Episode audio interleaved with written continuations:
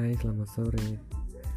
Perkenalkan di sini nama saya Yunda. Saya ingin menceritakan tentang pengalaman saya ketika mengganti sebuah gunung.